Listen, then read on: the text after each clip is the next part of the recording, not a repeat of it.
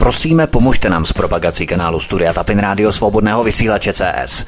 Pokud se vám tento nebo jiné pořady na tomto kanále líbí, klikněte na vaší obrazovce na tlačítko s nápisem Sdílet a vyberte sociální síť, na kterou pořád sdílíte. Jde o pouhých pár desítek sekund vašeho času. Děkujeme.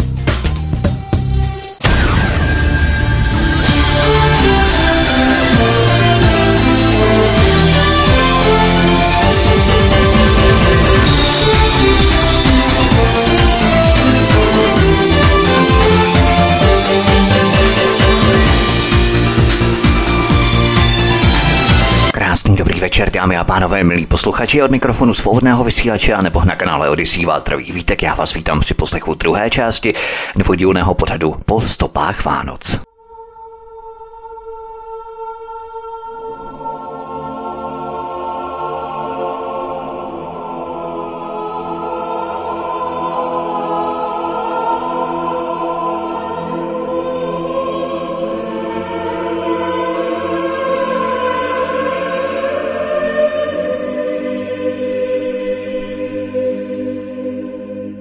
Stručně si zrekapitulujeme, o čem byl první díl tohoto vánočního speciálu. Začal jsem pátrat po stopách Josefa a Marie, kde vlastně začal památný vánoční příběh. Podívali jsme se do pouští oáz na území Mrtvého moře.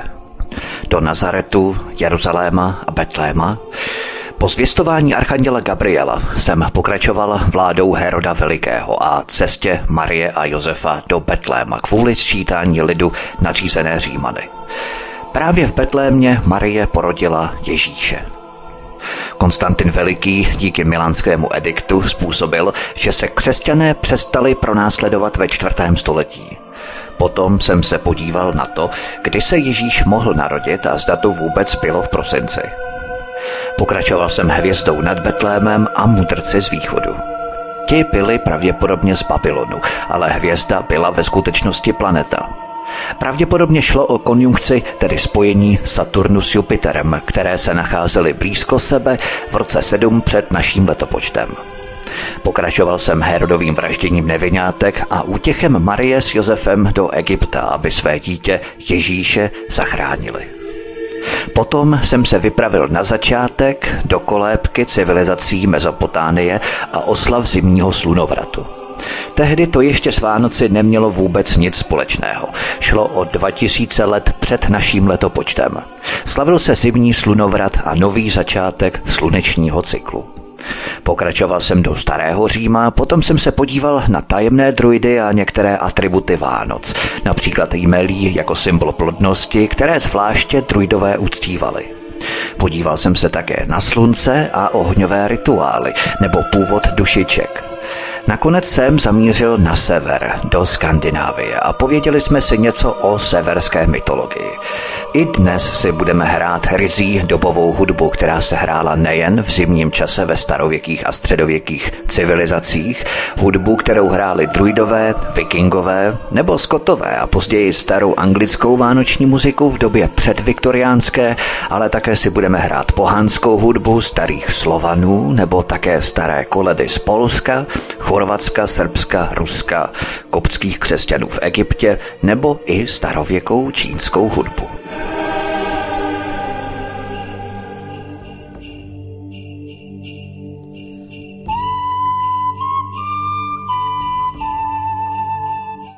Kmen malých lidí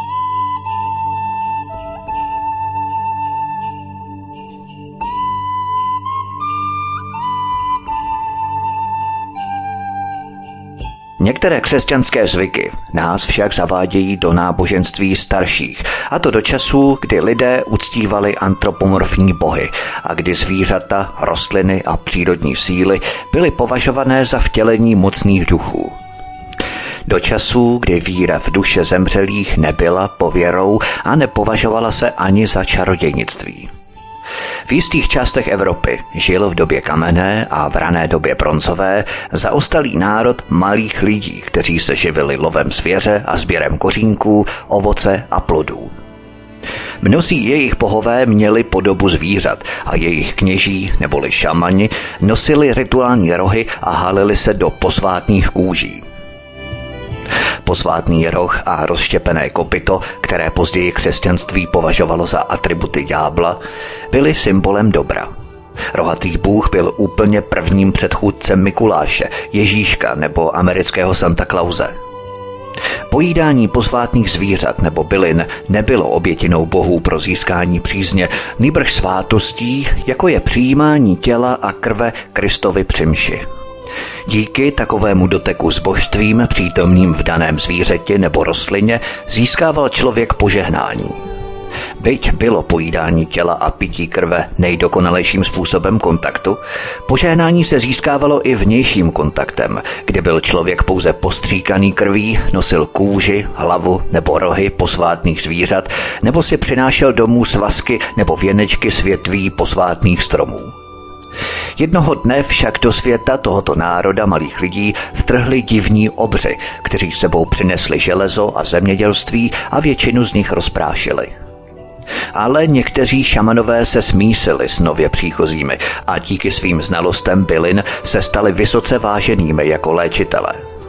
Léčitelkám a porodním bábám se někde začalo říkat čarodějnice pro jejich znalosti bylin a rostlinných jedů. Až do konce 16. století měla každá větší britská domácnost alespoň jednu takovou čarodějnici – když však katolická církev začala svůj velký hon na čarodějnice, zbylí příslušníci národa malých lidí museli ustoupit nejprve do hlubin pralesů, pak do bažin a nepřístupných horských oblastí, než nakonec zmizeli v mlhách času. Částečně vyhubení, částečně pohlcení svými dobyvateli, drobní lučišníci a lesáci v zelených oděvech se ztráceli v lesích, aby se nešekaně zase objevovali a opět mizeli – to vyústilo do pověrečného strachu z jejich schopností, kterých se jim údajně dostalo od nadpřirozených sil. Tito malí lidé byli zpočátku mstiví. Působili nemoci, ničili úrodu, zapalovali domy, hubili zvířectvo a z kolébek kradli děti. Nakonec si je zemědělci začali usmiřovat tím, že jim dávali před dveře jídlo – Jelikož měli dřevěné nástroje a zbraně, zachovalo se jen málo důkazů o jejich existenci. Za to stovky mýtů a legend. V Británii se jim říkalo skřítkové, trpaslíci a šotkové, v Norsku nisové a ve Švédsku tontové. Dnes se ovšem tito malí lidé ve většině světa už dávno považují za pozůstatky pověr. Přesto ale ve Skandinávii dodnes nosí vánoční dárky droboučký skřítek Jule, vládce národa malých lidí. Objevuje se každý rok ve špičaté čepičce a celý v červeném. Děti mu nechávají venku misku s ovesnou kaší, aby nevynechal jejich dům. V Americe každý ví, že tito lidé jsou stále naživu a že žijí na severním pólu. Spokojeně tam pracují v dílně Santa Clause a vyrábějí hračky pro děti na celém světě.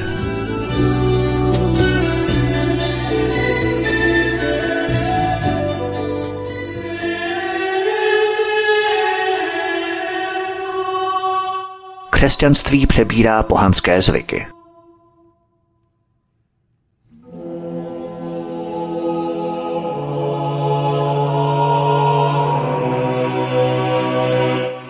Ve třetím století vzdali církevní otcové beznadějné snahy o úplné vymícení oslav Saturnálií. Byly totiž příliš oblíbené a proto se rozhodli převzít většinu pohanských tradic, přejmenovat je v křesťanském duchu a celé ty svátky zaměřit na oslavu křesťanského slunce spravedlnosti.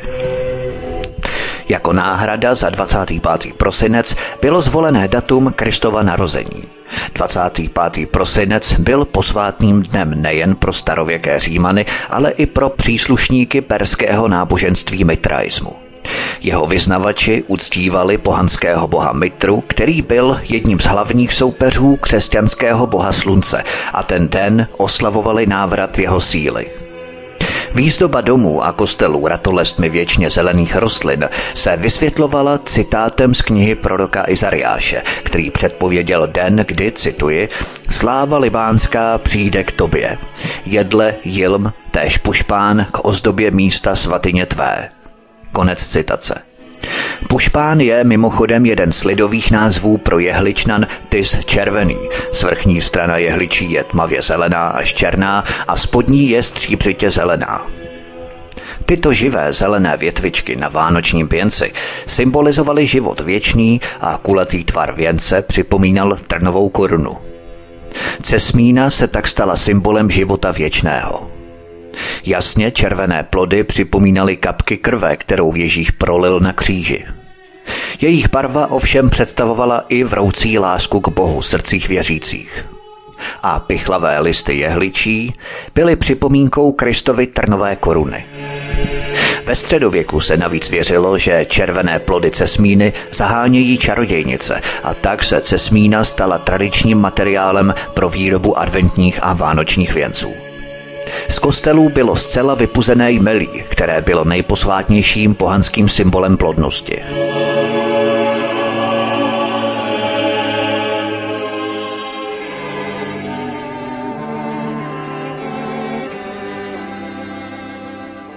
Vánoční strom.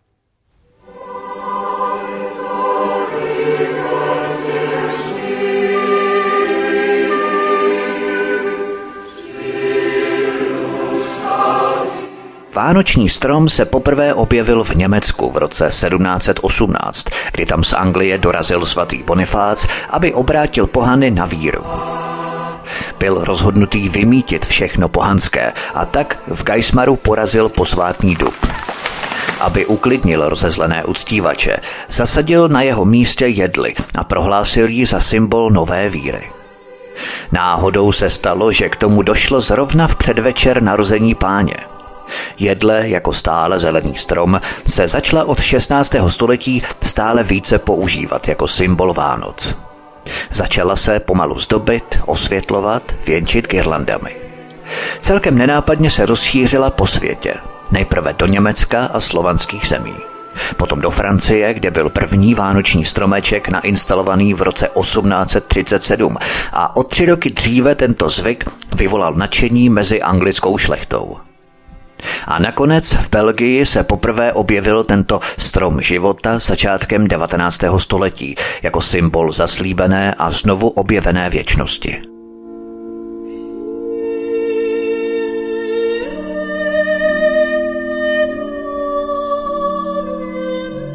Rituály a koledy –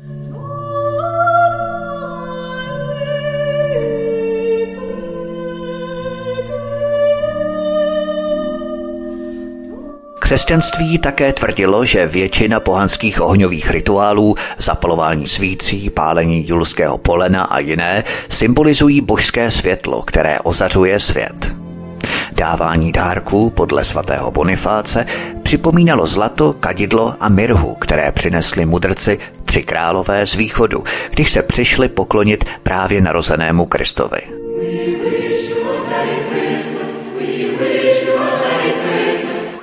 Tradice zpěvů o Vánocích odvozoval od zpěvu andělů, kteří se v Betlémě zjevili pastýřům, aby jim zvěstovali Kristovo narození.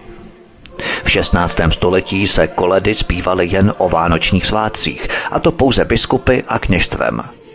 Námět těchto koled se týkal výlučně vánočního příběhu. Koledy si ovšem rychle oblíbily nejširší lidové vrstvy a tak se zpívaly všude – Současně s tím se v koledách už nespívalo jen o Kristovu narození, nýbrž o Vánocích jako takových. We wish you a Merry Christmas. We wish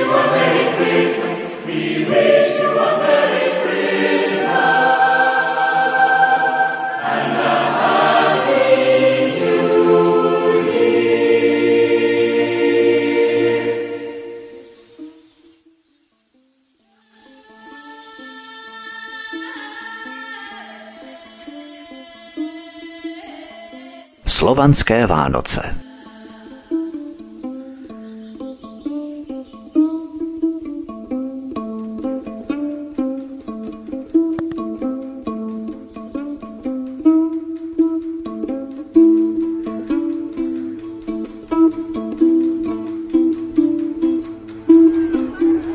Pražských ulicích na staroměstském náměstí můžeme najít kulisy, které zprostředkovávají největší tajemství křesťanského světa.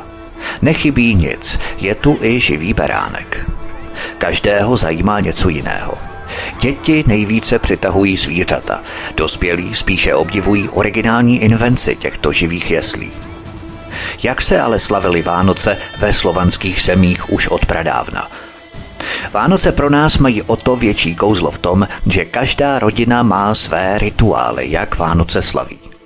Různé zvyky, tradici, obyčeje a rituály se v rodinách předávají po generace. Každá následující generace přejímá bohatost Vánoc od generace předchozí. Oslavy v zimním období tu byly ještě mnohem dříve před prvními křesťany.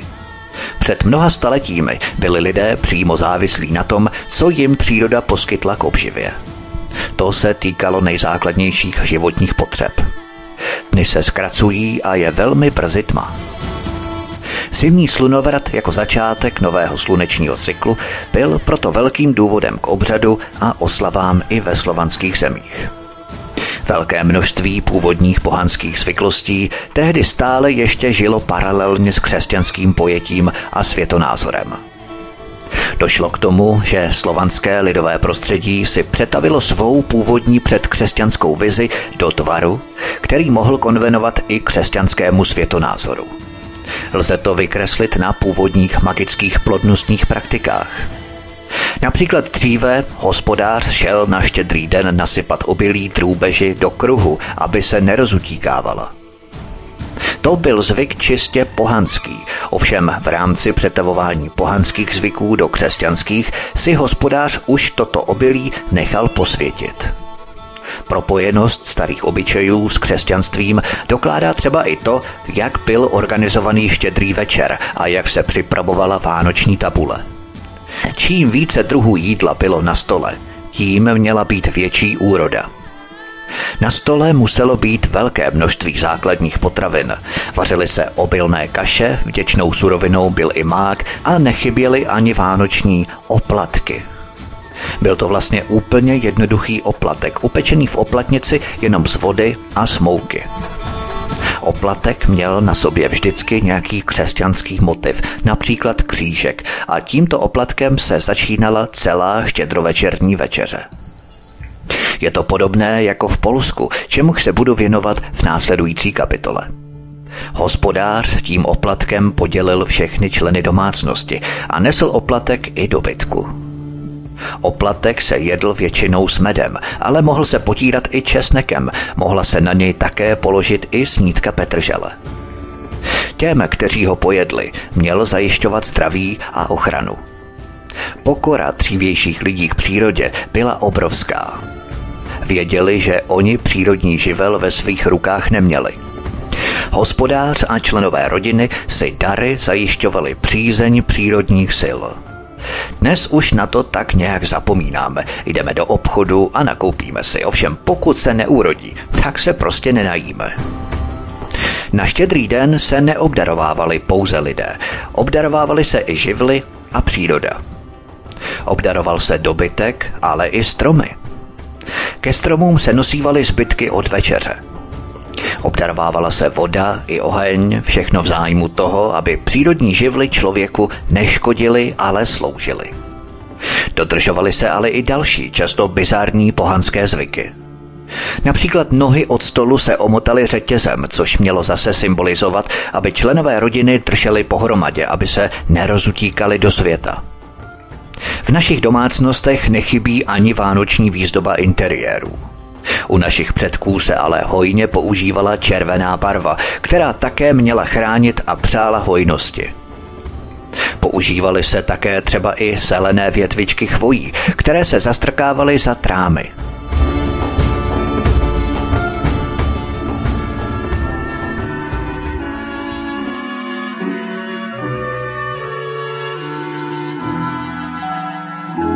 19. století se do slovanských domácností dostal i vánoční stromeček. Ten se zpočátku věšel za kmínek nad střed stolu a proto nebýval příliš veliký.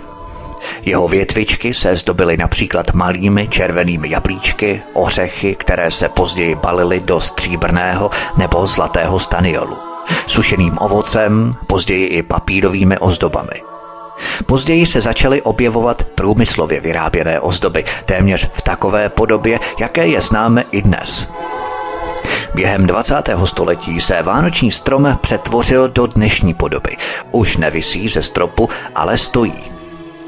Ještě předtím, než se u nás začal prosazovat vánoční stromeček, se do vánočního interiéru instalovaly betlémky. Později fungovaly paralelně se stromky. Nadílka se neumístěvala pod stromeček, ale často se pokládala k betlémku.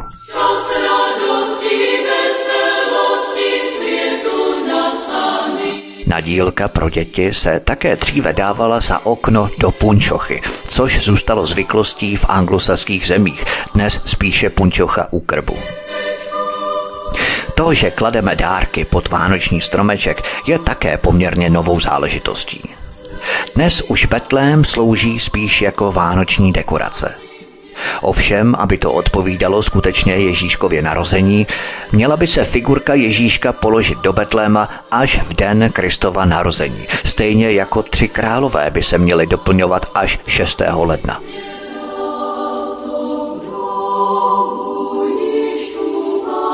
Na Vánoce se ve slovanských zemích také hodně věštilo.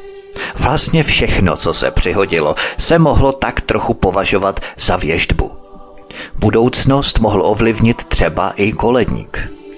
Pokud na koledu přišel jako první statný mládenec, mělo být dobře. Žena ale bylo zlé znamení. Je mnoho zvyků, některé jsou dnes lidmi opomíjené, jiné přetrvaly dodnes. A třeba nad dnešní štědrovečerní tabulí by se naši předci hodně podivovali.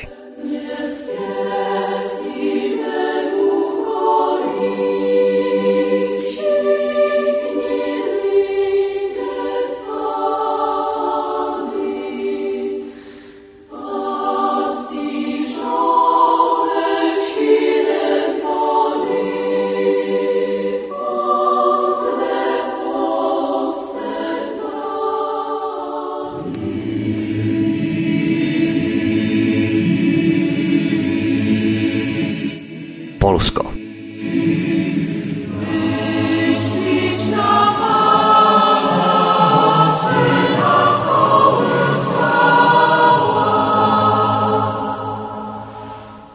Těsně před Vánocemi jsou v Polsku tradiční ranní bohoslužby. V polštině roráty. Konají se brzy ráno ještě za tmy. Roráty jsou typickou polskou a maďarskou tradicí. Svatá mše ve tmě při světle svící a lamp. Svící je šest a jedna z nich je speciálně ozdobená jako symbol Pany Marie. V dávných dobách v polské historii král a ostatní lidé různého původu a profesí přicházeli k oltáři a hovořili tato slova. Jsem připravený na den soudu. Roráty v kostele dominikánských mnichů v Poznani nejsou jen náboženskou, ale i kulturní událostí. Starobilé gregoriánské písně vytvářejí jedinečné prostředí pro nádhernou svatou mši, která je součástí přípravy na Vánoce. Štědrý večer nemůže být bez vánočních oplatek. Může chybět cokoliv, ale oplatek nikdy.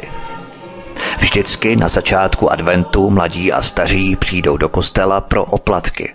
Je to starý zvyk posílat listy s kouskem oplatku příbuzným, kteří žijí v zahraničí. Oplatky jsou vždy stejné. Opečené z polské pšenice, polského zrna. Určitým způsobem je oplatek hlavní součástí tradiční polské štědré večeře. To je historie.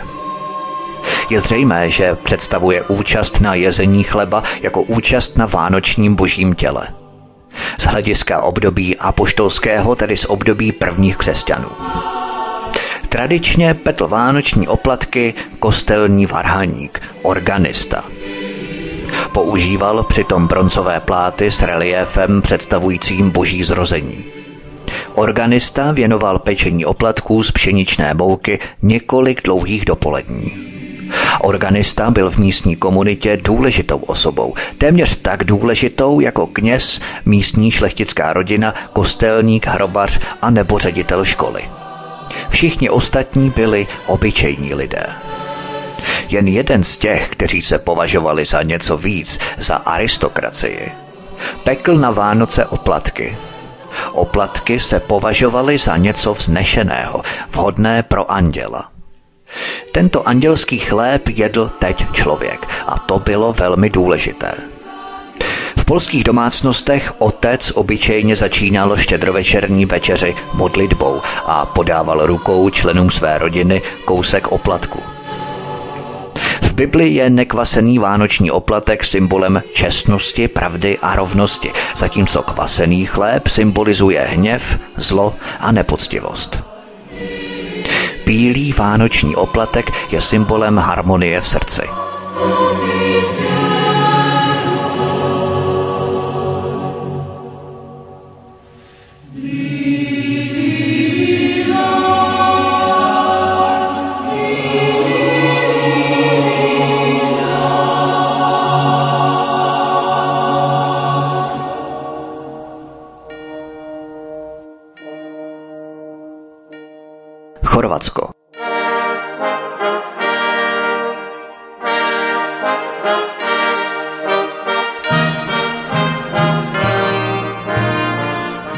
Oblasti hor, severně od chorvatského splitu, se dodnes uchovaly tradiční zvyky vážící se na závěr roku. Před Vánocemi se obyčejně otec se synem vypraví do lesa vyhledat a nařezat velká vánoční polena určená pro krby v domácnosti na štědrý večer. Tato tradice se datuje ještě do období před příchodem Slovanů do této země a je stará tisíce let. Úlohou mužů bylo pořezat dlouhé vánoční větve a ženy zatím usilovně připravovaly jídla na vánoční svátky pod orlým zrakem stopanice, paní domů. Jeden z hlavních chodů jídelního lístku byl sopalnik. Bezmasé jídlo z těsta naplněné listovou zeleninou, upečené v peci s horkými uhlíky. Bezpodmínečný rituální prvek vánočního stolu jsou tři velké peceny chleba, uprostřed kterých jsou zelené větvičky. Pokud si někdo jiný nenašel čas, aby se vydal do lesa pro zelené větvičky, šla tam sama stopanica. Kromě jižních Slovanů byl tento starodávný rituál známý i jiným národům na Balkáně, stejně jako jiným národům v Jižní Evropě, tedy všem, kteří žili uvnitř římské říše. V některých regionech Chorvatska dávali vánočním stromkům jídlo a nápoje. Tento zvyk se datoval od předkřesťanského období, stejně jako víra, že v tento zvláštní den teplo z hořících polen sála nejen pro členy domácnosti, ale i pro duchy rodinných předků, známých i neznámých. Vánoční poleno je proto symbolem rodinných svazků a trvání rodiny.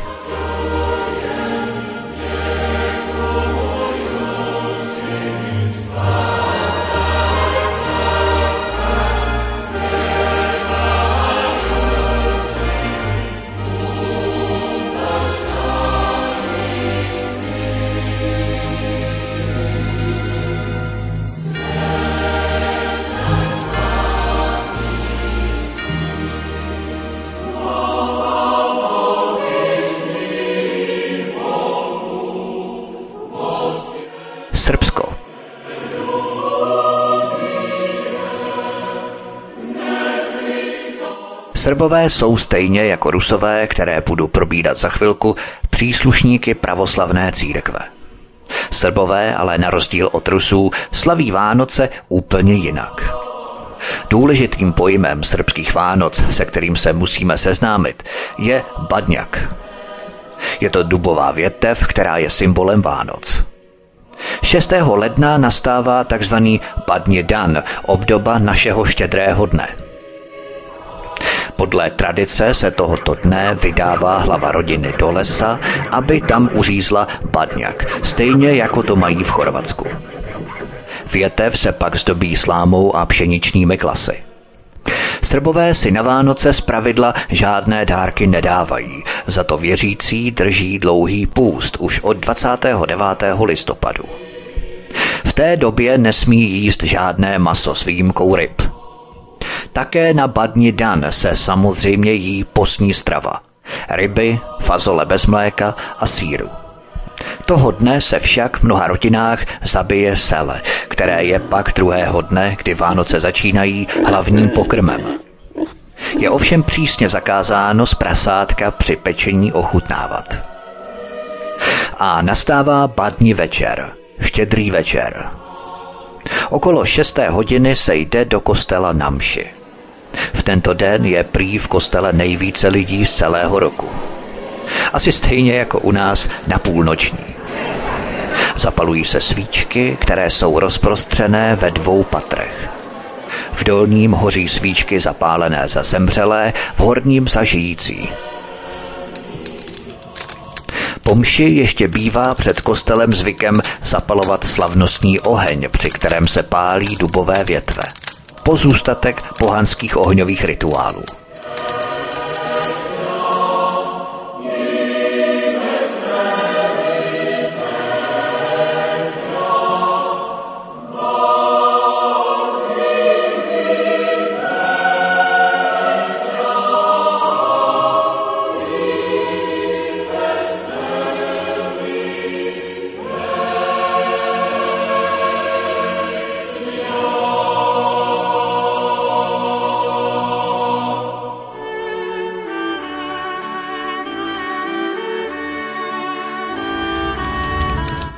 Muži přinášejí do domu ráno nařezané dubové větévky, které pálí v kamnech. Během tohoto rituálu na ně ženy hází zrnka pšenice. Ta se pak rozhazují i okolo domu a nesmí se po tři dny uklízet. Od této chvíle by nikdo z rodiny neměl opouštět dům. Vánoce, srbsky Božič, začínají 7. ledna – s napětím se čeká na prvního svátečního hosta. Říká se mu polaznik nebo také polažajnik. Musí to být muž, ženě se dveře zásadně neotvírají.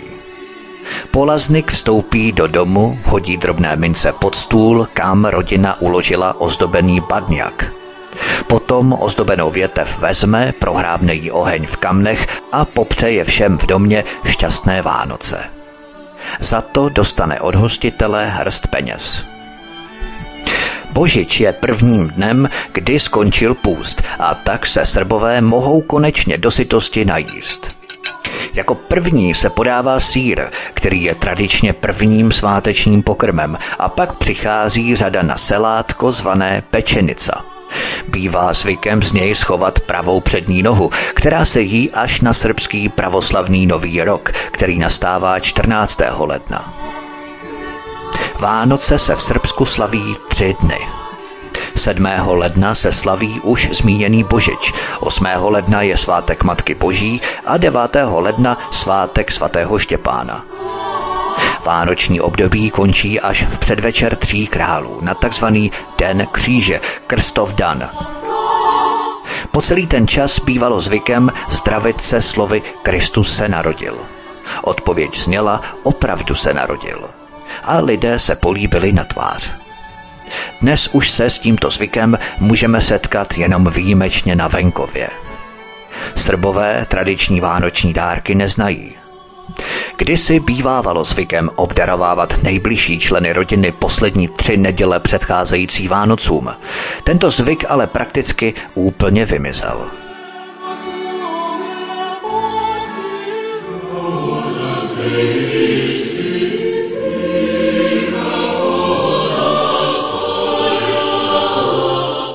Rusko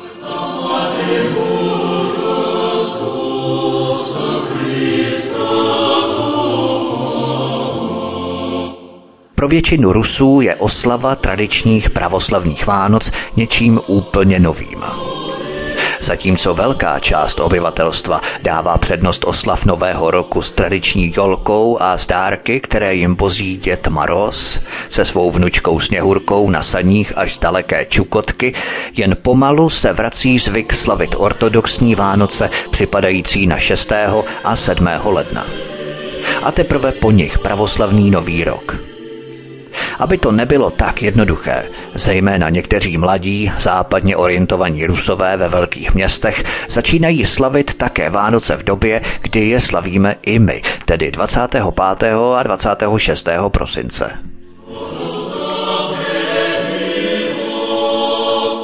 A tak je dnes Rusko jedinou zemí na světě, kde mohou příslušníci jedné víry slavit Vánoce i Nový rok dvakrát a nikomu to nepřipadá divné.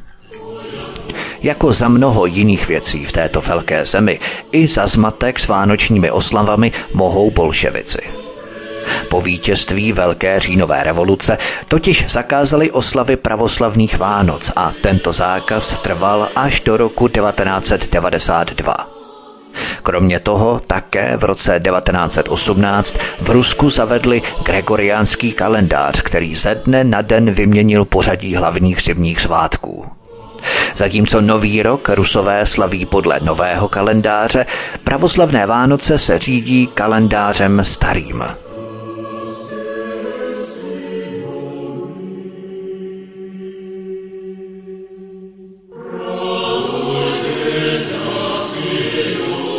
Příprava na vánoční svátky začíná pro pravoslavné věřící už 28. listopadu před vánočním půstem, který trvá až do 6. ledna, tedy 40 dní. Počínaje druhým lednem, což je počátek vánočního období, se půst ještě zpřísňuje, až je na štědrý den předepsaný půst nejpřísnější. Přijímat jakoukoliv potravu je toho dne dovolené až večer po bohoslužbě, poté až vyjde první hvězda. Ke štědrému večeru od jak živa patřily také nejrůznější lidové zvyky, rituály a koledy. Koledníci byli všude vítaní, protože svými písněmi o narození Krista vyjadřovali přání štěstí, hojnosti a bohaté úrody. Původní pravoslavné Vánoce byly ve znamení velkolepých vánočních bohoslužeb v kostelích, po kterých následovaly opulentní domácí hody v kruhu rodiny a přátel. Oslavy trvaly až do Nového roku, který byl vítaný maškarními plesy a hádáním osudu z ruky. Dnes se o štědrovečerní večeři v Rusku stoly doslova prohýbají. Tradicí je podávat večeři o 12 bezmasých chodech. Oblíbené jsou vareniky, což jsou plněné taštičky z kynutého těsta. Jejich náplň se připravuje z brambor, rýže, zelí nebo sušených a nakládaných hub. Tradičním jídlem je také nákyp z pšeničných zrn s mandlemi, rozinkami, mákem, švestkami a cukrem, zvaný kuťa. Nechybí dušená kapusta, houby upravované na různé způsoby, ryba, ovoce, zelenina a saláty posledních letech se na ruském štědrovečerním stole můžeme setkat také s pokrmy zcela nepostními. Stále častěji se podává vepřová pečeně s křenem nebo krocan s jablky a pohankovou kaší. Ze sladkých zákusků jsou nejoblíbenější medový perník a dorty s máslovými krémy a barevními polevami. Na stole samozřejmě nechybí ani slané zákusky, nakládané okurky a samozřejmě vodka. Hodně vodky.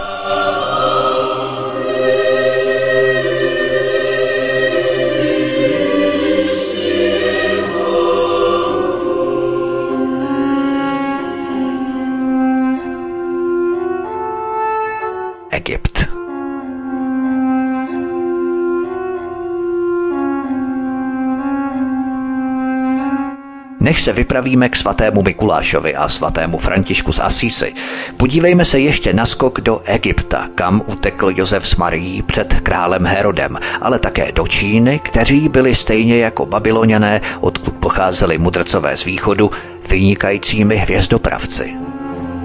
Biblickou zemi Egypt dnes obývají především muslimové, ovšem dosud v Egyptě žije také přibližně 8 až 10% křesťanského obyvatelstva, egyptští koptové. Jsou to egyptiané, jejíž předkové v prvních staletích našeho letopočtu přijali křesťanství. Dodnes oslavují příchod spasitele podle původního kalendáře. A tak Vánoce tu připadají také na 7. ledna. Není bez zajímavosti, že tento den je v Egyptě státním svátkem. A zásluhou koptské menšiny je na počátku ledna prakticky všude cítit vánoční atmosféra.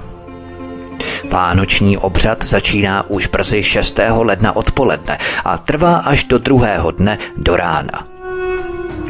Během této doby se v koptských chrámech zpívají nejrůznější liturgické písně a modlitby, zapalují se svíce a mniši v tento den vyměňují svá dosud černá roucha za andělsky bílá.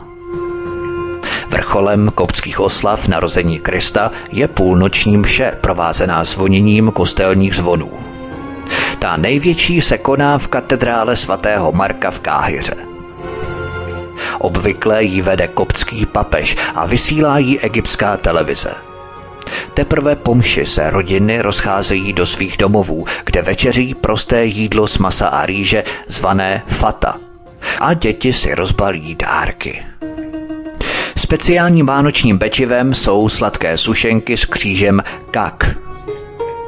Ke koptským Vánocům patří také pečivo zvané zalabia a pokrm z ryb řečený boury. Jakmile tato hostina skončí, začne pro kopty přísný půst trvající 40 dnů. Zejména pod vlivem západní civilizace šířené prostřednictvím filmů a televize začínají přicházet na chuť vánočním svátkům také někteří egyptští muslimové žijící především ve velkých městech. Začínají zdobit svoje obchody vánočními stromky a po americkém vzoru adoptovali postavu Santa Clause. Většinou jde ale pouze o marketingový tah, ale mnozí připouštějí, že křesťanská oslava Vánoc není vůbec v rozporu s učením Koránu.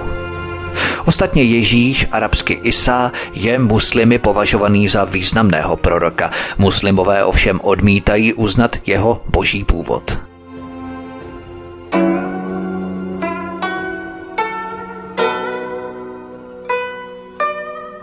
Čína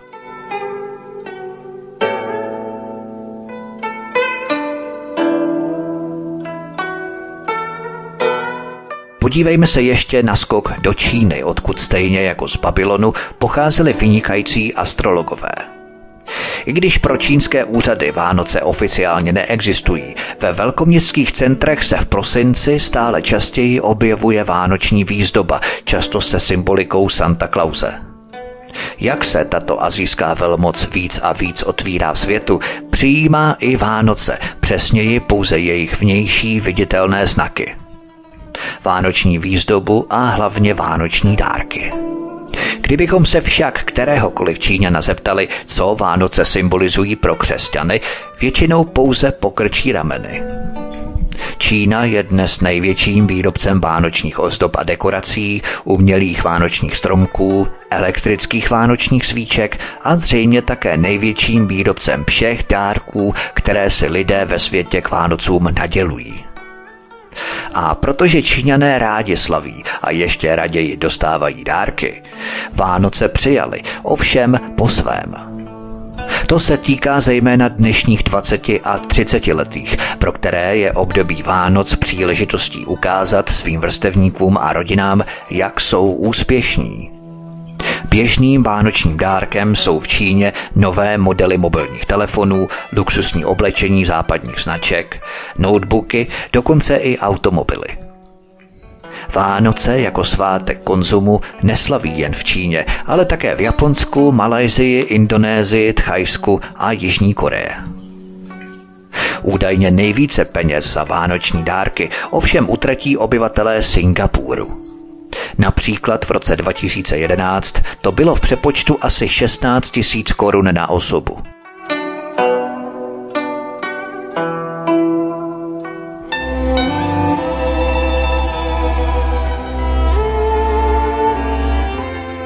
Svatý Mikuláš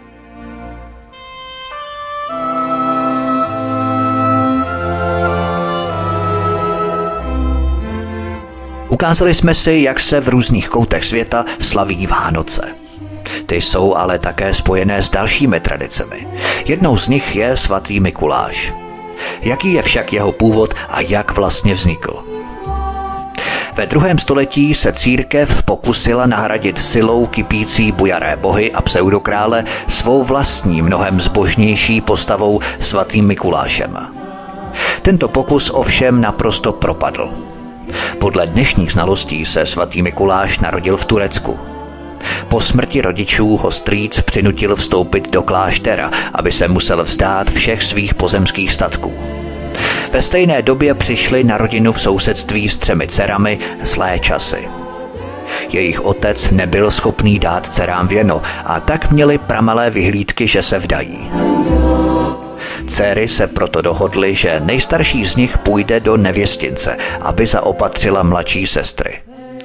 Když se o tom dozvěděl Mikuláš, dal do váčku pár zlatých mincí a před rozbřeskem s nimi vyšel z domu. Ráno pak ten háček se zlatem našlo jedno z těch děvčat. Někteří říkají, že ho měla ve Střevíci, jiní, že v Punčoše. A následující den se to opakovalo. Třetí noc zůstal otec děvčat vzůru a tak přistihl Mikuláše, jak spouští třetí váček oknem. Mikuláš ho prosil, aby ho neprozradil, ale vděčný otec to nevydržel, nikomu se svěřil a tak se nám ten příběh dochoval. Časem z toho vznikla tradice vyvěšování punčoch nebo bot, aby se v noci zázračně naplnily dárky. Z Mikuláše se nakonec stal biskup a jako takový byl pozvaný na první koncil křesťanské církve.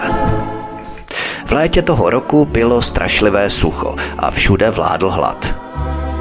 Cestou na koncil chtěl Mikuláš přenocovat v jedné vesničce. S jídlem tam nepočítal. Hospodský byl tak překvapený ctí, které se mu v jeho osobě dostalo, že mu k večeři nabídl dušené hovězí. Mikuláš si ale uvědomil, jaký hlad všude panuje a pojal podezření a vydal se do kuchyně. Uviděl tam hospodského, jak se chystá rozsekat tři chlapce, které zabil a naložil do láku. Stěšený Mikuláš padl na kolena a modlil se. Před úžaslým hospodským všichni tři chlapci ožili. Mikuláš jim pak našel místo v sirotčinci a tak se z něho posléze stal patron dětí.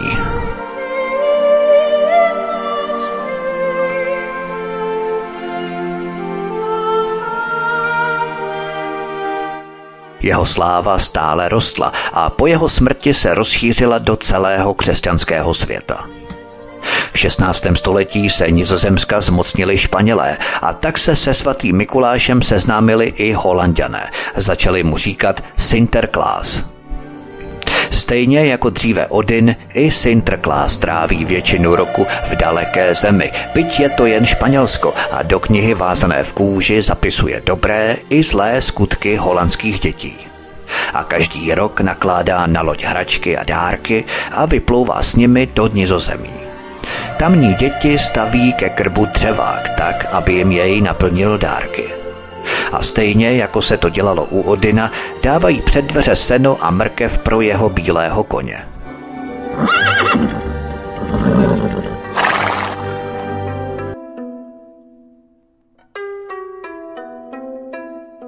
V 17. století pronikli katoličtí misionáři na Sibiř a se svatým Mikulášem seznámili kočovné chovatele sobů, kteří žijí za polárním kruhem.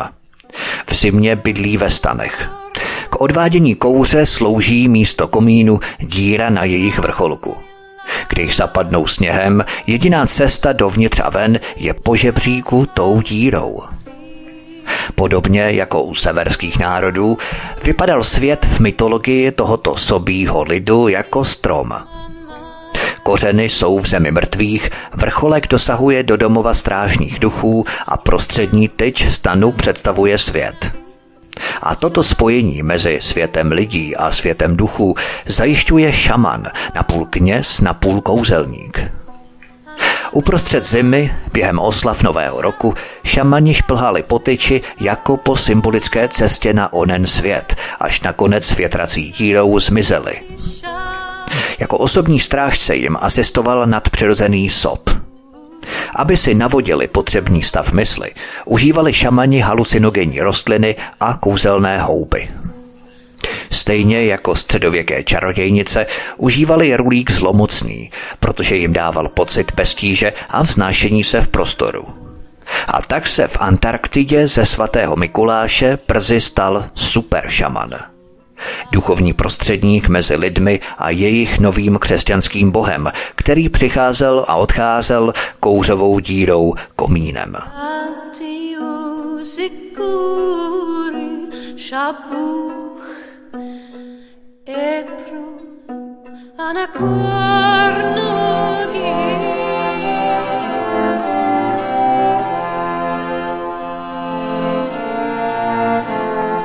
Svatý František z Asísy.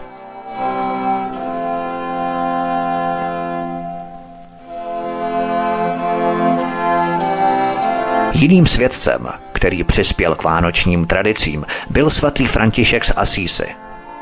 V roce 1224 v jeskyni poblíž italského města Crescio postavil první jesličky. Přítel mu opatřil jesle, slámu a živá dobytčata. Podívat se na ně přicházeli lidé z daleka široka, zatímco František klečel před jesličkami a modlil se – jeho nápad se ujal a tak je stavění jesliček v celém křesťanském světě dodnes velmi oblíbené.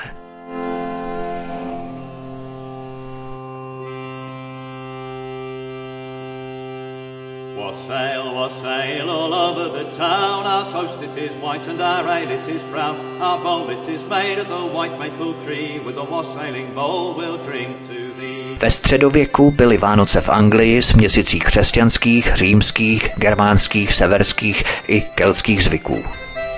Vedle svatého Mikuláše tam existoval starý vousatý Ježíšek, který kolem těla nosil věnec z cesmíny a vypadal jako kříženec mezi bohem Bakchem a druidským knězem.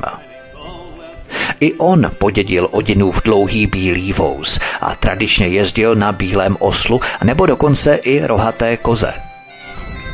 Za starým vousatým Ježíškem se táhly skupiny potulných herců zvaných manners, šmíráci, kteří putovali od vesnice k vesnici.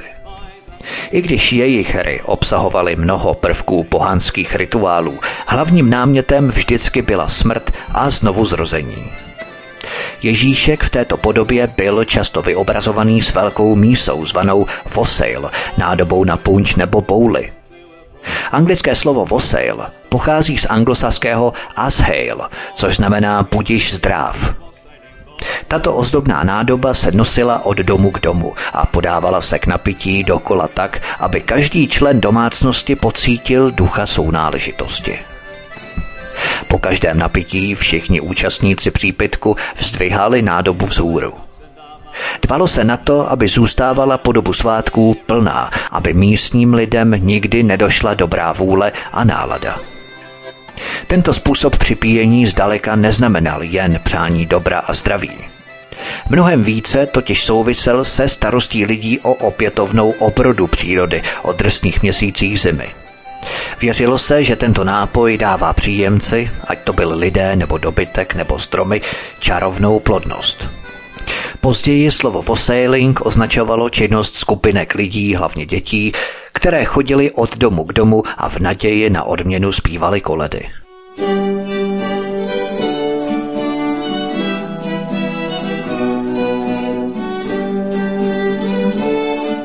Anglii existoval i pseudokrál, což byl šťastlivec, který ve své porci vánočního pudinku našel drobnou minci nebo fazolku. Měl titul král nepořádku nebo král fazolka. Tropil různé kousky a vůbec neplechu. Mimo kostel vodíval svůj dvůr i do kostela a přerušoval bohoslužbu. Z modlitebních knížek četli pospátku. Na očích měli brýle z pomerančové kůry. Hráli na dudy a bubínky, tancovali mezi lavicemi, na dřevěných konících jezdili kostelní lodí a pod kazatelnou nechávali vybuchovat žabky.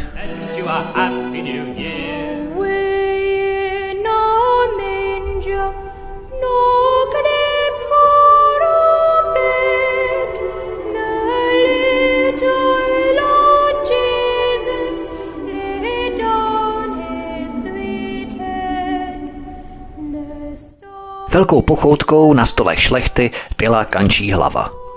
A tanec byl zvíře zasvěcené Thorovi, germánskému bohu hromu. Pokrytá rozmarínou a obložená kulatými plody, jako jsou jablka nebo pomeranče s jablečnou slupkou a nebo pomerančovou kůrou v rypáku, tvořila hlavní ozdobu středověké tabule. Když byli divocí kanci v Anglii vyhubeni, tak se na hostinách vysoce cenili pávy – pak to byly husy, tradiční německá svatomichalská pochoutka. Pak se začaly z Ameriky dovážet krocani a stali se nejoblíbenějším vánočním jídlem v Anglii. Po celé Evropě se peklo pečivo ve tvaru volků nebo prasat nebo volských rohů a také Kristovy figurky. Pekla se i kolečka, do kterých se zasazovaly svíčky. Naprostá směsice pohanských a křesťanských symbolů. Všechno vycházelo z úcty k pšeničním a nebo ovesným zrnům, ponechaným z minulé sklizně, semletým a upečeným v naději na dobrý nový rok. Raná praxe přejímání pohanských pověr a jejich halení do křesťanského hávu měla své výhody. Církevní svátky přišly do obliby a obohatili se i o pohanskou nevázanost. To ale vedlo puritány k odsouzení všech svátků a slavností jako ďáblova vynálezu. V Anglii se totiž Jindřich VIII. odtrhl od katolické církve, byly zrušené kláštery a kazatelny oněměly. V evropských baštách puritánů byly zrušené i Vánoce. Na dobu dřívějších svátků se zavíraly kostely, zatímco obchody a dílny musely mít otevřeno. Velké veřejné slavnosti skončily a tak lidé začali trávit Vánoce doma s rodinou a s přáteli.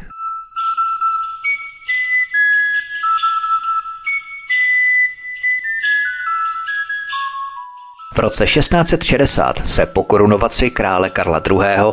tradice Vánoc sice obnovily, ale už nikdy se neslavily v takové míře a s takovým veselím. Jejich zákaz trval totiž celých 18 let, což stačilo k tomu, aby zanikla řada vánočních zvyků.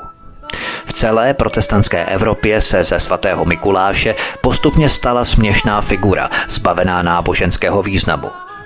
A takový zůstal po téměř 200 let, než se ve Spojených státech spadlého divotvorce stala celosvětová superstar. Merry Christmas. Santa Claus, složený z evropských kultur. Oh, the weather outside is frightful, but the fire is so delightful. And since we've no place to go, let it snow, let it snow, let it snow. V roce 1626 doplula holandská varianta svatého Mikuláše do Ameriky. Byl galionovou figurou na vlajkové lodi flotily plavidel, která tam vezla dánské osídlence. Ti se usadili na ostrově, který nazvali Manhattan. Zanedlouho na hlavním náměstí stála pozlacená socha Sinterklaase.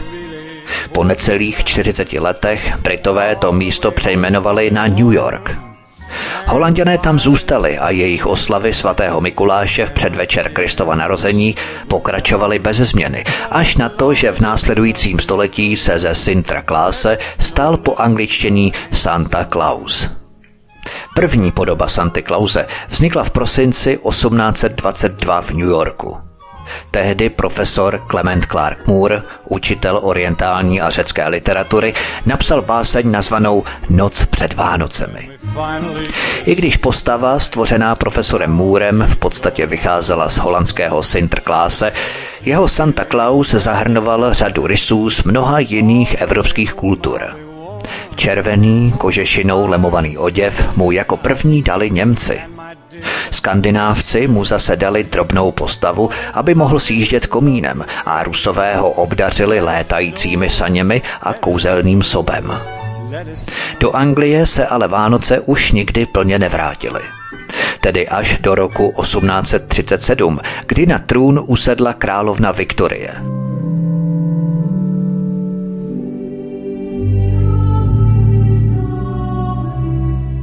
Její manžel Albert pocházel z Německa, kde Vánoce naopak nikdy nevymizely a právě on patřil mezi největší autority při znovu zavádění Vánoc do Anglie.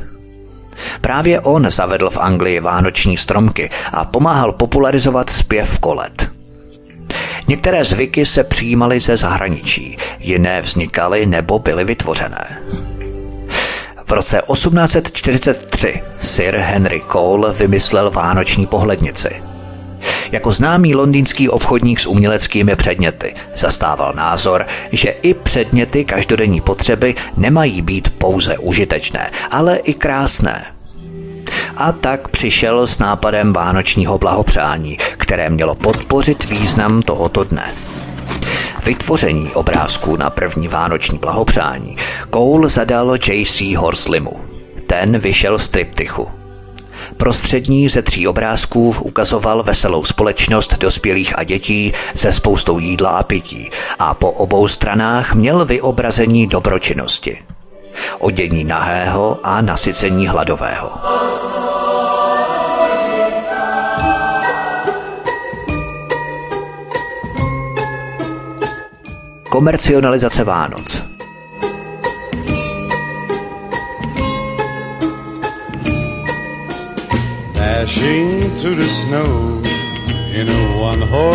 Open sleigh už od poloviny 19. století obchodníci využívali jak Ježíška, tak Santa Clause k prodeji čehokoliv. Komerční potenciál Santa Clause ovšem jako první využila teprve korporace Coca-Cola.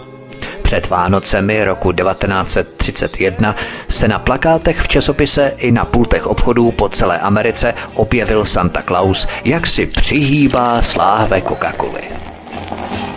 A kde se kdekoliv na světě po příštích 39 letech prodávala Coca-Cola, všude tam jí propagoval Santa Claus. Tento Santa Claus se ale značně lišil od drobného mužíčka popsaného v Můrově básni – tento Santa Claus byl typickým američanem. Velký, silný a v této podobě vzal svět útokem. V New Yorku je dílna Santa Clause Severní pól, kde Santa Claus drží službu po celý rok. A je tam i gymnázium Santa Clausů pro obchodní domy, kde lze získat maturitní vysvědčení v oboru Santa Clausování. Ve státě Indiana dokonce existuje i městečko Santa Claus. Jehož poštovním úřadem před vánočními svátky procházejí stovky tisíc balíčků, aby byly na příležitostné známce oražené místním razítkem. Toto komerční pojetí dokonce zvětšuje přitažlivost ducha Vánoc. Výlohy obchodů působí magicky a vzrušivě a když člověk kráčí jasně ozářenou ulicí s rukama plných vánočních dárků a překvapení, nemůže se ubránit tomu zvláštnímu pocitu vzrušení a očekávání, které se v něm rozlije. A tak Vánoce i nadále zůstávají nejvhodnějším časem pro nadílení. Organizace, jako je třeba Armáda spásy, získávají většinu svých příspěvků právě o Vánocích. Jde o dary, které jim musí vystačit po celý rok na financování jejich dobročinných programů. K obsluze při podávání štědrovečerních večeří chudým se hlásí tolik dobrovolníků, že musí být odmítaní. Santa's on his way. Přesto se někteří lidé obávají všeho toho poslátka a komercionalizace Vánoc, neboť si myslí, že se zvolna vytrácí skutečný význam tohoto dne. A tak s přihlédnutím k dávným rituálům někdejších pohanských zimních svátků vytvářejí nové vánoční tradice, aby skřísili skutečného ducha Vánoc. Jednu takovou tradici vytvořili a prosazují členové společnosti Veřejné sny v kanadském Vancouveru. Jmenuje se Svátek světel a pořádá se v obrovském veřejném parku. Každý večer v předvánočním týdnu jsou tam lidé zvaní na kouzelnou pouť, nádherně vyzdobenou zahradou. Tato pouť začíná matně lesklým listem papíru, do kterého se zašeptá přání, než se zapečetí polipkem. Putování pak pokračuje po stezce, podél níž nadpřirozené bytosti žonglují hořícími pochodněmi. Po chvíli se člověk ocitne před prostým zahradním domkem, zázračně přeměněným na kouzelnou jeskyni. V ní si zapálí svíčku v naději, že se mu jeho přání splní. Na konci poutě pak své přání vhodí do ohně, aby se vzneslo k obloze.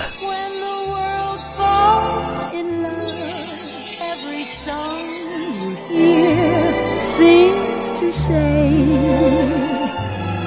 Merry Christmas. May your New Year dreams come true.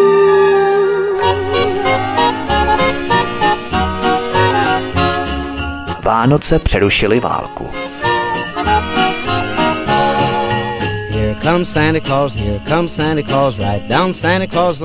Poselství Vánoc může stavět mosty mezi národy a zasypávat příkopy mezi civilizacemi, ale duch Vánoc má sílu i ukončit válečný konflikt. Vánoce jsou doménou běžných lidí. Stejně jako sám Ježíš nepocházel z královského rodu ani se nenarodil v královských podmínkách. A právě tito běžní lidé dokázali díky Vánocům překlenout válku a spojit se. A zase jejich nadřízení generálové tento zárodek přátelství překazili. Vyvstává tím stále palčivější otázka – Skutečně nám naši takzvaní vůdci usilují o klidnější život, mír a lepší perspektivu v budoucnu. Nebo je to právě naopak, kdyby si běžní lidé vládli sami, zbavili bychom se těchto takzvaných vůdců, kteří si umanili třímat v rukou moc, díky které nás šikanují, tak by nám bylo mnohem lépe. Příběh o tom, jak Vánoce dokázali zastavit válku, tohle trefně ilustruje.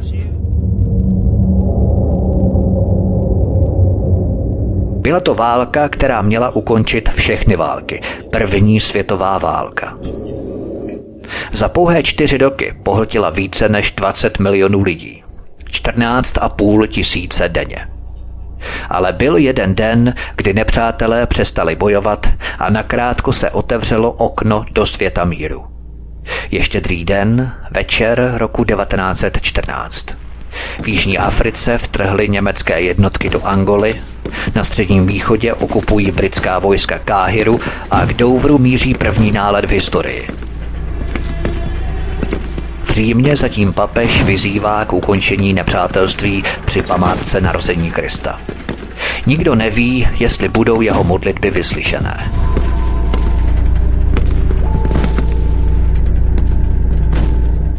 Deník německého pěšáka. Mysleli jsme, že je to někdo ve smrtelné agónii. Ale o hodinu později to přišlo znovu a nepřestalo to celou noc ani další noc. Ten nářek se nám zařezával do ucha jako vrták. Protahoval minuty v hodiny, hodiny v roky. Zoufale jsme se modlili, aby zemřel. Trvalo to moc dlouho. Kdyby takhle pokračoval, zešíleli bychom. Konec citace. O tři noci dříve vpadli britští vojáci do německých zákopů. Ničeho tím nedosáhli. Ten muž z deníku německého pěšáka tam ležel tři dny a tři noci. Je zatím 177 413. vojákem, který má v této válce zemřít, a to jen na britské straně.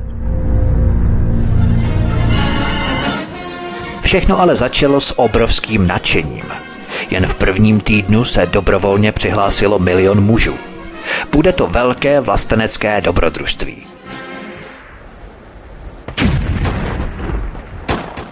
Ale rychlé bitvy léta a podzimu nedokázaly přinést žádné straně rozhodující vítězství. Teď je prosinec a útoky kavalérie nahradilo ležení v jámách.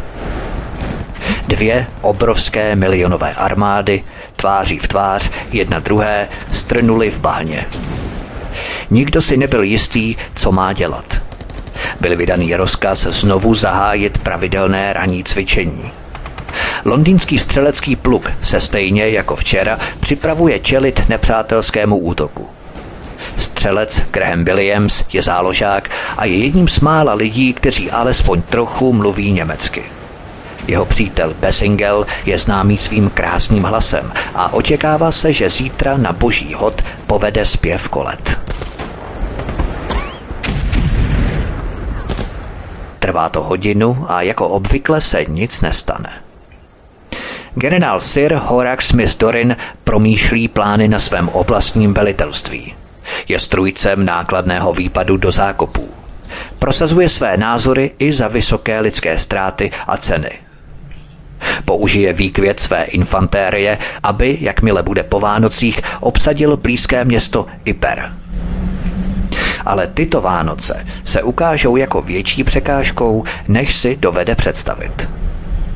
Zatím pokračují přípravy na další výpady do zákupu, aby rozptýlil podezření před velkým útokem. Ve skutečnosti nedělají Němců víc starostí než nějaké zvláštní cvičení. A tak se místní velitelé v Belgii rozhodují k zoufalým opatřením, aby neměli příliš vysoké ztráty. Někdo přišel s novým návrhem postavit krycí zástěny, za kterými se muži ukryjí, až půjdou přes území nikoho. Neposkytnou žádnou ochranu před kulkami a musí být postavené uprostřed nejklidnější noci v roce. Střelec Henry Williamson je ve svých 19 letech ostříleným veteránem. Má také spisovatelské ambice a dnešní noc navždy změní jeho názor na nepřítele a válku. Právě teď se bojí o vlastní život a pochybuje o duševním zdraví svých velitelů. Zbytek střeleckého pluku dál ve stejné zákopové linii spí, kde může. Střelec Graham Williams nastupuje hlídku. Příští dvě hodiny tu musí stát v pohotovosti. Už nyní je v první linii obrany 20 metrů západní fronty a kdyby usnul, může být zastřelený před nastoupenou jednotkou. Jsou čtyři stupně pod nulou. V civilním životě byl Graham Williams úředníkem v anglicko-německé pojišťovně a celý rok žil v Berlíně. Teď tam někde proti němu stojí ve stejné blátivé díře jeho přítel Friedrich. Drží svou nabitou pušku a povinnost mu velí William se zabít, když bude mít možnost. Je po půlnoci, je boží hod vánoční. Deník Henryho Williamsona. Po prvním bodnutí strachu jsem se už nebál. Z německých zákopů nevyšel ani výstřel. Všechno bylo tak klidné, tak tiché a pokojné. Neuvěřitelné se brzy stalo všedním. Takže jsme si při práci povídali a noc uběhla jako sen. Deník Grahama Williamse. Jak byly tyto Vánoce jiné? Touhle dobou by můj otec dělal rumový punč podle starého rodinného receptu, který byl uchovávaný v rodinné Bibli. Těšili bychom se, že si připijeme výsledkem otcovy práce. Místo toho jsem stál tady v rozbahněném vlánském poli. Zpívala se tichá noc. Z mrazivé mlhy se pozvedly slavnostní a jemné hlasy. Bylo to všechno tak jiné, jako být v jiném světě, do kterého jsme museli projít noční můrou.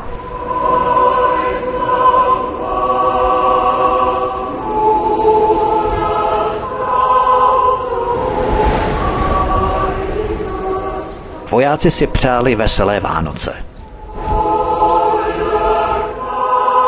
Úsvit, boží hod vánoční.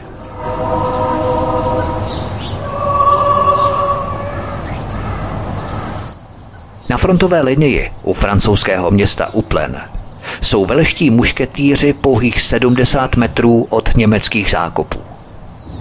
Stejně jako londýnští střelci, i oni tráví noc se zpěvem kolet a vykřikováním vánočních přání ve tmě.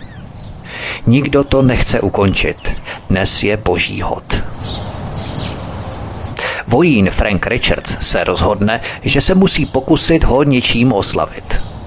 Najednou si začnou napříč zákopy přát veselé Vánoce. Angličané i Němci. Angličané pokřiknou Veselé Vánoce, přátelé, a z druhé strany zákopů se ozve totéž od Němců. Teď, jako o přestávce na hřišti, si žádná ze stran není jistá, jak se zachovat. Křik přestal. Němci možná styčili své vlastní nápisy nebo něco hodili zpátky.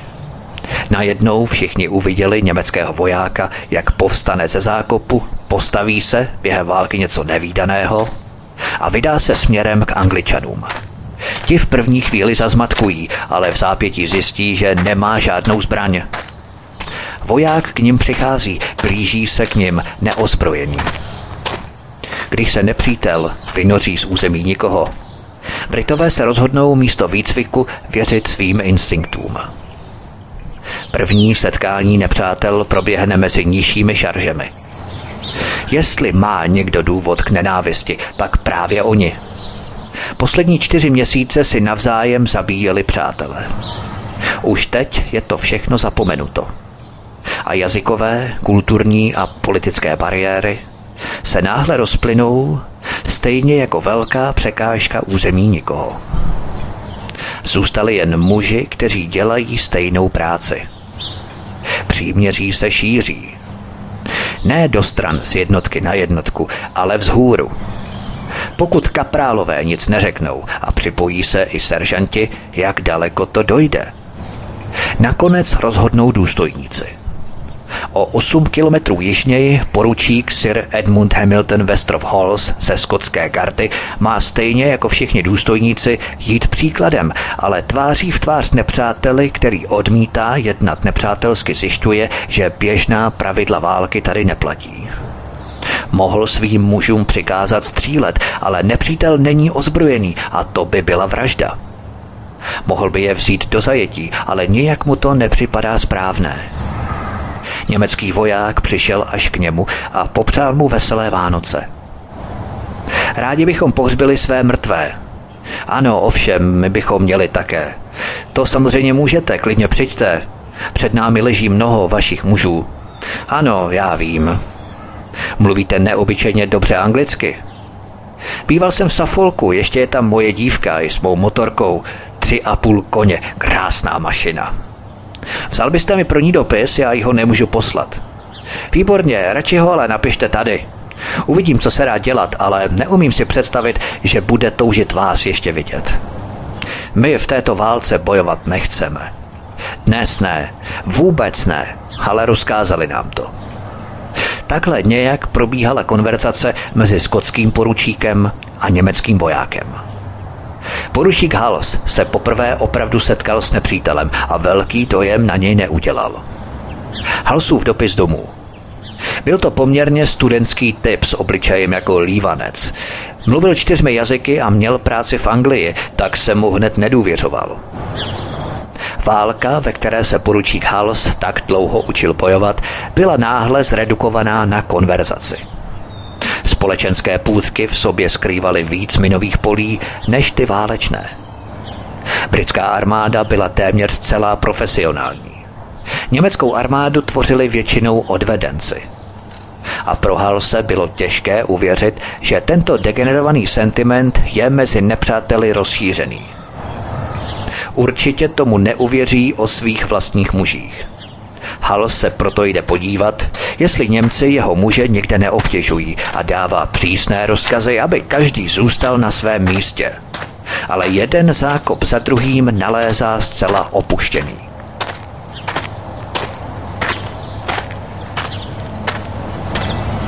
Brzy tu záhadu vyřeší. Zvuk zpěvu ho dovede k jeho ztraceným ovečkám. Zatímco se Hals zabýval klábosením, většina jeho regimentu využila příležitosti a šla s Němci zpívat koledy. Hals byl jako důstojník povinen dostat tuto nebezpečnou situaci pod kontrolu a udělal to. Když se nad tím střízlivě zamyslel, došel Hals k názoru, že si jeho muže zaslouží den volna a rozhodne se ignorovat skutečnost, že jej sdílejí s nepřítelem možná dokud nepřijde jeho nadřízený důstojník. Kapitán George Painter je pro Halse a jeho muže nejvyšší autoritou a poslední šancí všechno zastavit, než se něco donese na velitelství. Ale místo toho, aby večírek rozpustil, přispěje George Painter k němu rumem rizí anglické značky. Po celé západní frontě se v tom okamžiku odehrávají tucty podobných scén – sbírka jednotlivých přestávek. Nemáli se z nich stát epidemie, musí někde někdo říci ne. A pro takovou práci se přesně hodí velící důstojník Franka Richardse. Kapitán Charles Stockwell právě obědvá Nedává pozor na hříchy svého mužstva. Přezdívají mu Buffalo Bill, protože si navykl vyhrožovat, že kde komu za sebe menší přestupek vystřelí ten zatracený mozek. Předstoupil před něj jeden seržant, který ohlásil, že muži opustili svá místa a povídají si s Němci na území nikoho. Bratříčkování s nepřítelem je totiž něco docela jiného než drobné přestupky. Z hrstky provinilců by mohl udělat odstrašující příklad, ale 50 mužů to je něco jiného. Stockwellova zpráva bude později naznačovat, že jeho muži byli v klidu v zákopech a Němci je odtamtud vylákali. Frank Richard si vzpomíná, že jim musel zavelet k návratu. Na další části příběhu se ovšem shodují. Protože jsou přítomní němečtí důstojníci, je nezbytné oficiální představení. Kapitán Schmidt navrhuje, že na jeden den, když jsou Vánoce, bychom si mohli snad dovolit jednodenní příměří. A tak, když Němci navrhnou příměří, je Stockwell ochotný ho přijmout. Domluví se jen na boží hod s koncem zítra ráno přesně v 8.30. Jako při všech diplomatických jednáních musí být vyměněné náležité dary. A je typické, že Němci byli dobře připraveni. Podnikli totiž nájezd na místní pivovar a část kořisti nabídli jako vánoční dárek. Stockwell byl náhle v rozpacích, protože neměl nic vhodného na oplátku. Pak ale dostal nápad a nechal donést vánoční puding. Podle Stockwellovy zprávy to znamenalo konec jakéhokoliv kontaktu mezi oběma stranami, ale podle Richardse rozjaření pivem proklouzli zpátky a po zbytek dne pokračovali v bratření.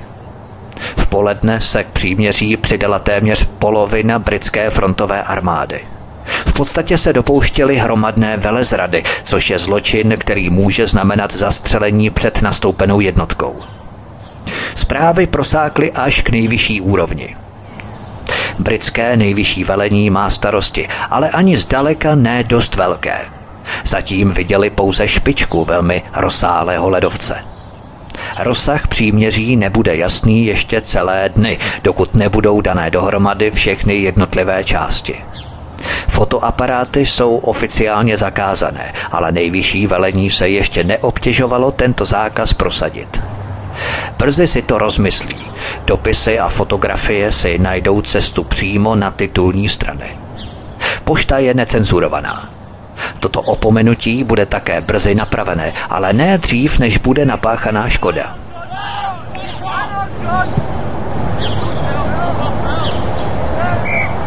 Události tohoto vánočního odpoledne všude ožijí vlastním životem.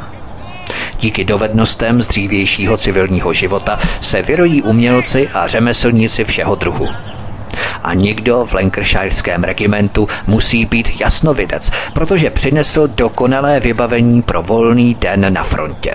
Fotbalový míč. Angličané, francouzi a Němci hráli fotbal.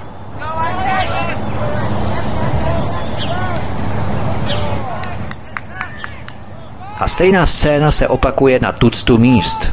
S plechovkami, s pytli s pískem, se vším, co najdou. S 60 členými mužstvy a nepříliš dokonalými hřišti se branky i míč ztrácejí v tlačenici. Ačkoliv jedna hra přinesla známý výsledek 3-2 pro Němce.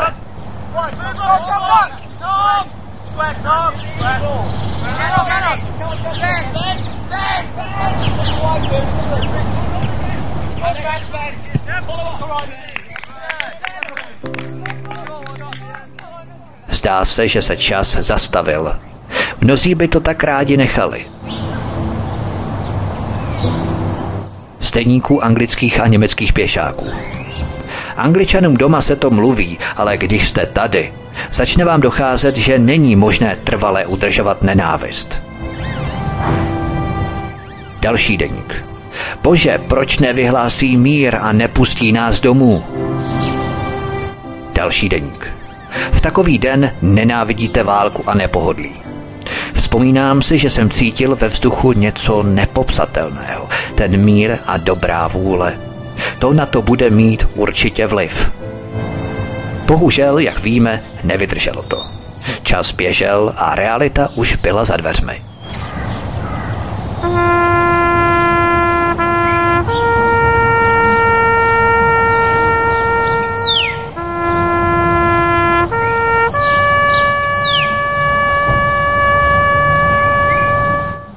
Uprostřed všeho toho hýření zůstávali nepohřbení mrtví. Neúprosná připomínka toho, proč tu vlastně jsou. Poručík Halos našel ztraceného přítele. Poručík Hugh Taylor ležel v německém zákopu, kde o tři noci dříve padl. Bez příměří by tu byli padlí prostě ponechaní, dokud neschní. Teď se jim dostalo odpočinku hodného hrdinu. Nepřátelé byli ve smrti sjednocení a nyní i v životě. Ve Flebej se dohodli, že své mrtvé pohřbí společně. Zemřeli přece na stejném kousku země nikoho. A tam, kde včera stáli v boji proti sobě, přicházeli teď nepřátelé společně v duchu vánočního míru. Vojáci všedního dne sdílejí stejné hrozné podmínky, stejné utrpení, stejnou vinu a žal ze ztráty. Teď objevili další společné dědictví, křesťanský pohřeb. Jen v prosinci 1914 německá armáda ztratila téměř 6 tisíc mužů. Britský expediční sbor jich ztratil téměř 9 tisíc. Při této rychlosti se většina těchto mužů příštích Vánoc nedožije.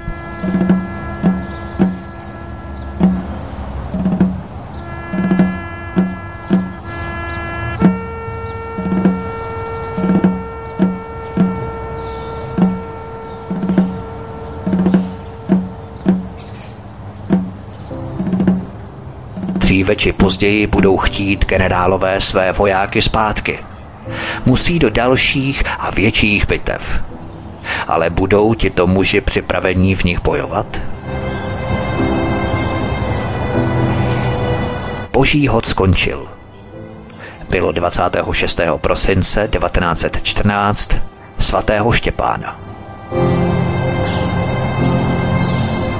Poručík Stockwell od velšských musketýrů byl připravený znovu začít první světovou válku. Jeho muži dostali svůj volný den. Teď podle dohody s Němci a přesně na čas vyhlašuje oficiální konec tohoto neoficiálního příměří. Ale podle Franka Richardse nebyly v hněvu vypálené žádné skutečné výstřely celý ten den ani další. Dosud vládl mír i dál, ale bylo těžké ho zachovat. Generál Smith Dorin schání informace na svém oblastním velitelství. Už dávno měli přijít zprávy ze zákopu a důstojník, za kterým přišel, tu není. Rozhodl se, že se půjde podívat sám.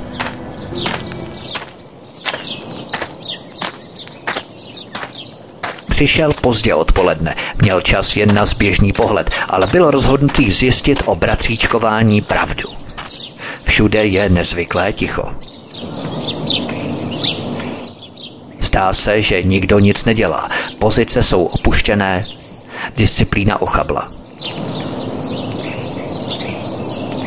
Ale jakýkoliv dotaz na setkání s Němci narazil na popírání. Jednotek, kterými procházel, se to netýkalo. Někdo pečlivě zařídil, aby se vyhnul horkým místům. Německé velení, pokud jde o příměří, stále tápalo v temnotách a mnoho frontových důstojníků mělo v úmyslu nechat to být a prostě znovu začít nepřátelství. Ale nebylo to tak snadné. Jednotka 107 saského regimentu protahovala příměří déle, než si troufal kdokoliv jiný, až na samou hranici vzpoury. Další rok Graham Williams přežil, stejně jako Henry Williamson a Frank Richards. George Painter byl raněný. Poručík Edward Hals mrtvý.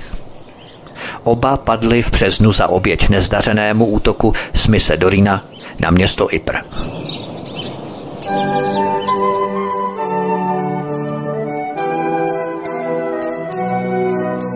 Tento silný příběh neskutečně úžasně ilustruje, že běžným lidem se vůbec nechce válčit.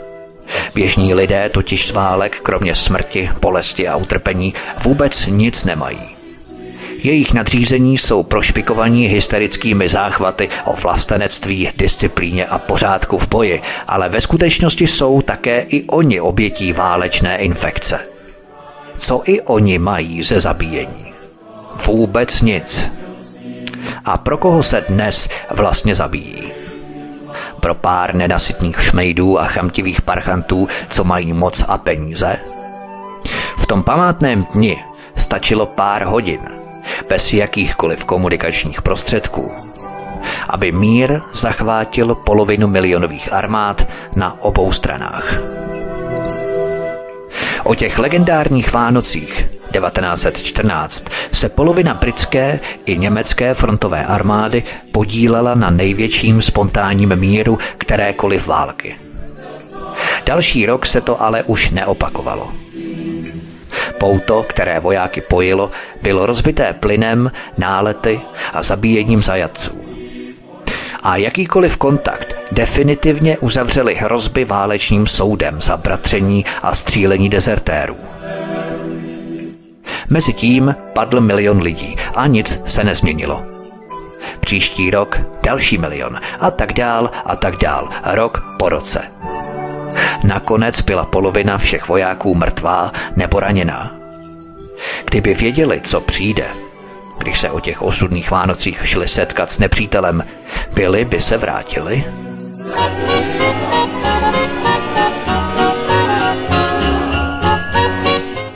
Lidé intuitivně tíhnou k míru, ne k válce. Války se vedou jen pro cizí zájmy, pro zájmy nenasytných, chamtivých bastardů, co chtějí ještě více. Bastardů, kterým na životech běžných lidí vůbec nezáleží. Jaké jsou důvody k válkám? Moc, peníze, přírodní zdroje. Ale pro koho? Ne pro vojáky, poručíky, důstojníky, velitele, ani pro běžné lidi vítězných národů. Jen pro partu chamtivých, nenasytných sviní, kteří války rozpoutávají. Kteří povolávají do zbraně běžné lidi a zaobalují to do stejně svinských keců o vlastenecké cti a obraně vlasti. Jak řekl Benjamin Friedman ve svém zakázaném projevu, který jsem přeložil v mém dvoudílném pořadu Druhá světová válka – Mám v rodině kluky, kteří budou muset být v příští válce a já nechci, aby šli bojovat a umírali, jako umírali v Koreji, jako umírali v Japonsku, jako umírali po celém světě. Za co? Aby pomohli podvodníkům udržet si to, co nakradli nevinným lidem, kteří tu půdu, ty farmy, ty domy v míru vlastnili stovky a možná tisíce let. Proto musí jít Spojené státy do války. Konec citace. A nebo jak jsem nedávno vysílal dokument o tom, jak američané prali nacistické zlato ve švýcarské bance pro mezinárodní platby. Zatímco všude kolem zuřila válka, řadoví běžní vojáci se zabíjeli navzájem, američané a nacisté se setkávali ve Švýcarsku v klidných restauracích, kouřili doutníky, procházeli se v tichých dlážděných uličkách a rozprávěli o špinavých kšeftech a podvodech. Thomas McKittrick, americký ředitel banky a agent OSS, předchůdkyně CIA a Hitlerův viceguvernér německé říšské banky Emil Pool a další. K ním nedoléhala bitevní vřava. A pokud přece jen ano, mnuli si hruce, jak se mašinérie zbrojní výroby točí a obě strany se pakují stejně jako rodina Bushů a jejich obří zbrojní korporace Carlyle Group. do které investovala i saudská rodina Bin Ladenů nebo Kuwaitané. To jsem probídal v mém dvoudílném speciálu o 11. září. Obě strany se pakují na válce. Kvůli takovýmto gaunerům umírají lidé po tisícech. Střílejí do sebe jen pro partu podobných bezcitných šmejdů, kteří leční po penězích, po zisku, po přírodních zdrojích. Přímo se zalikají bohatstvím. Pár stovek gaunerů vlastní tři čtvrtě planety a pořád je jim to málo. Chtějí celou planetu, chtějí vlastnit území, lesy, dokonce i vodu. Chtějí vlastnit lidi i naše duše, abychom jim byli oddaní a uctívali jejich svátost nám vládnout. Jen proto, že mají prachy a moc. Kvůli těmto parchantům se vedou války. Na tomto příběhu jsme viděli, že lidé chtějí mír, klid a pokoj, když dostanou šanci hovořit. To všechno naprogramované nepřátelství zlomily Vánoce tak obrovskou sílu mají, když běžní lidé, běžní vojáci mají šanci hovořit místo velitelů. I ti nechtějí bojovat. Mají své rodiny, ženy, děti, prarodiče. Je opravdu složité pochopit, že by raději seděli s nimi u vánoční štědrovečerní tabule a poslouchali smích svých dětí, než se válet v zabahněných příkopech a střílet do nepřítele jen proto, že parta zločinců v roli vůdců jim řekla, že oni jsou nepřátelé. A co kdyby jim to neřekla? Tak by nepřátelé nebyli. Kdo je vlastně náš nepřítel? Ten, koho nám vlády a jejich kohorta mediálních prestitutek přikáže, abychom nenáviděli?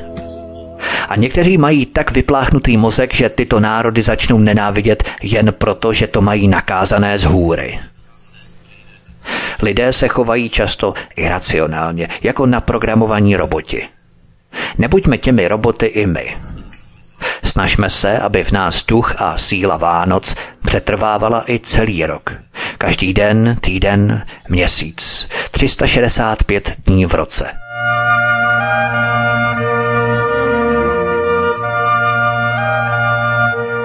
Závěr poselství Vánoc.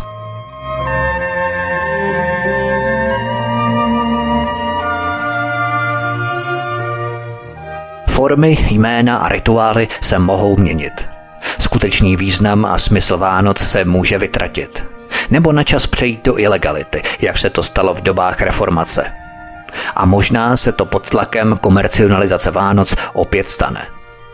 Duch Vánoc, duch radosti, oslavy života a dobré vůle pro všechny, je s námi od nepaměti a bez pochyby s námi už zůstane až na věky. Ježíš jako historická postava přišel, aby žil s člověkem, aby mohl snívat a prožívat radosti, zklamání, úctu i potupu, těšit se z uzdravování nemocných, ale i cítit bolest, únavu, chlad i slunce. Nevybral si královský palác, ale jesle ve chlévě. Jeho přáteli se nestali boháči ani farizeové. Poznali ho pouze lidé dobrosrdeční, obětaví a pracovití. Promlouval k těm, kteří nelpěli na pozemské bohatství, měl rád lidi klidné, skromné, spravedlivé, milosrdné, lidi čistého srdce. Lidi, kteří šíří mír – Zastával se těch, kteří byli nespravedlivě trestaní, pronásledovaní, šikanovaní, lidí trpících. Nechme i tyto vlastnosti prostoupit námi všemi.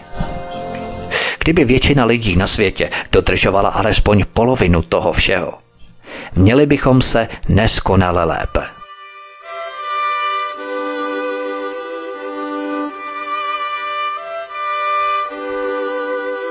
Přirozeným prostředím pro člověka je klid, mír a svoboda. Proč se tohle rok od roku zmenšuje? Proč je stále více šikany, nesvobody a nespravedlnosti? Rozleptávání základních přirozených řádů člověka, rodiny, národa, víry a vzdělání. Proč se rozkližuje všechno to, co člověka činí šťastným? Čas na rodinu, na děti, na své přátelé, na stabilní práci, jistota v budoucnost, že se budeme mít lépe. Vždyť tohle všechno jde proti nejen duchu Vánoc, ale i proti samotné lidské přirozenosti. Chovejme se proto tak, jak bychom chtěli, aby se ostatní chovali k nám. Změňme třeba i náš život, pokud je nám třeba někdo nepříjemný v našem okolí. Jednoduše přerušme styky a kontakty s takovýmito lidmi. Soustřeďme kolem sebe takové lidi, jakými jsme i my sami. Pozitivní energie se nasčítá a vrátí se nám taková, jakou sami vysíláme.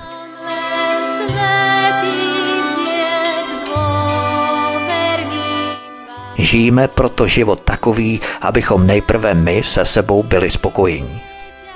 Koncentrujme kolem sebe podobné šťastné a spokojené lidi. Učme se číst z věcí, které se odehrávají kolem nás. Čím více toho budeme poznávat, tím lépe budeme umět předvídat budoucnost. Jako legendární tři králové z východu. Všichni se tehdy dívali na nebe, ale jen oni uměli vyčíst, co se stane. Protože sledovali věci kolem, měli zkušenosti. I toho se snažím docílit i já, ve svých pořadech, které jsem vysílal během celého tohoto roku a ve kterých budu pokračovat i v roce příštím. Učme se číst proto s věcí kolem nás. Sledujme to, co se děje pod povrchem. My jediní jsme svou vlastní autoritou. To je jedno z nejdůležitějších poselství Vánoc. To by bylo všechno, milí posluchači, pro tento druhý díl dvoudílného pořadu po stopách Vánoc. Já doufám, že se vám oba dva díly líbily a to prosím doufám oceníte i tím, že budete sdílet tyto dva díly na sociální média, kamkoliv jenom můžete rozposílat e-maily, budete komentovat, vaše dojmy, postřehy, cokoliv, co budete chtít dodat, doplnit a říct ještě k tomu, o čem jsem povídal v rámci těchto obou dvou dílů a prosím také zaregistrujte se na kanál Odyssey kliknutím na tlačítko odebírat v rámci tohoto kanálu, abyste nepřišli i o další pořady, které připravuju pro příští rok. Ten začnu pátráním po ztracené Atlantidě. Velmi uchvatná a historická epizoda, kterou budu otvírat příští rok 2023. Já vám přeju krásný večer, hezké Vánoce, příjemné prožití, mnoho dárků pod vánočním stromečkem, hodně lásky, zdraví, štěstí, úspěšné oslavy nového roku i vstup do něj. Od mikrofonu svobodného vysílače a nebo na kanále Odisí vás zdraví Vítek. Já vám přeju hezký zbytek roku a v příštím roce 2023 se s vámi opět těším na slyšenou.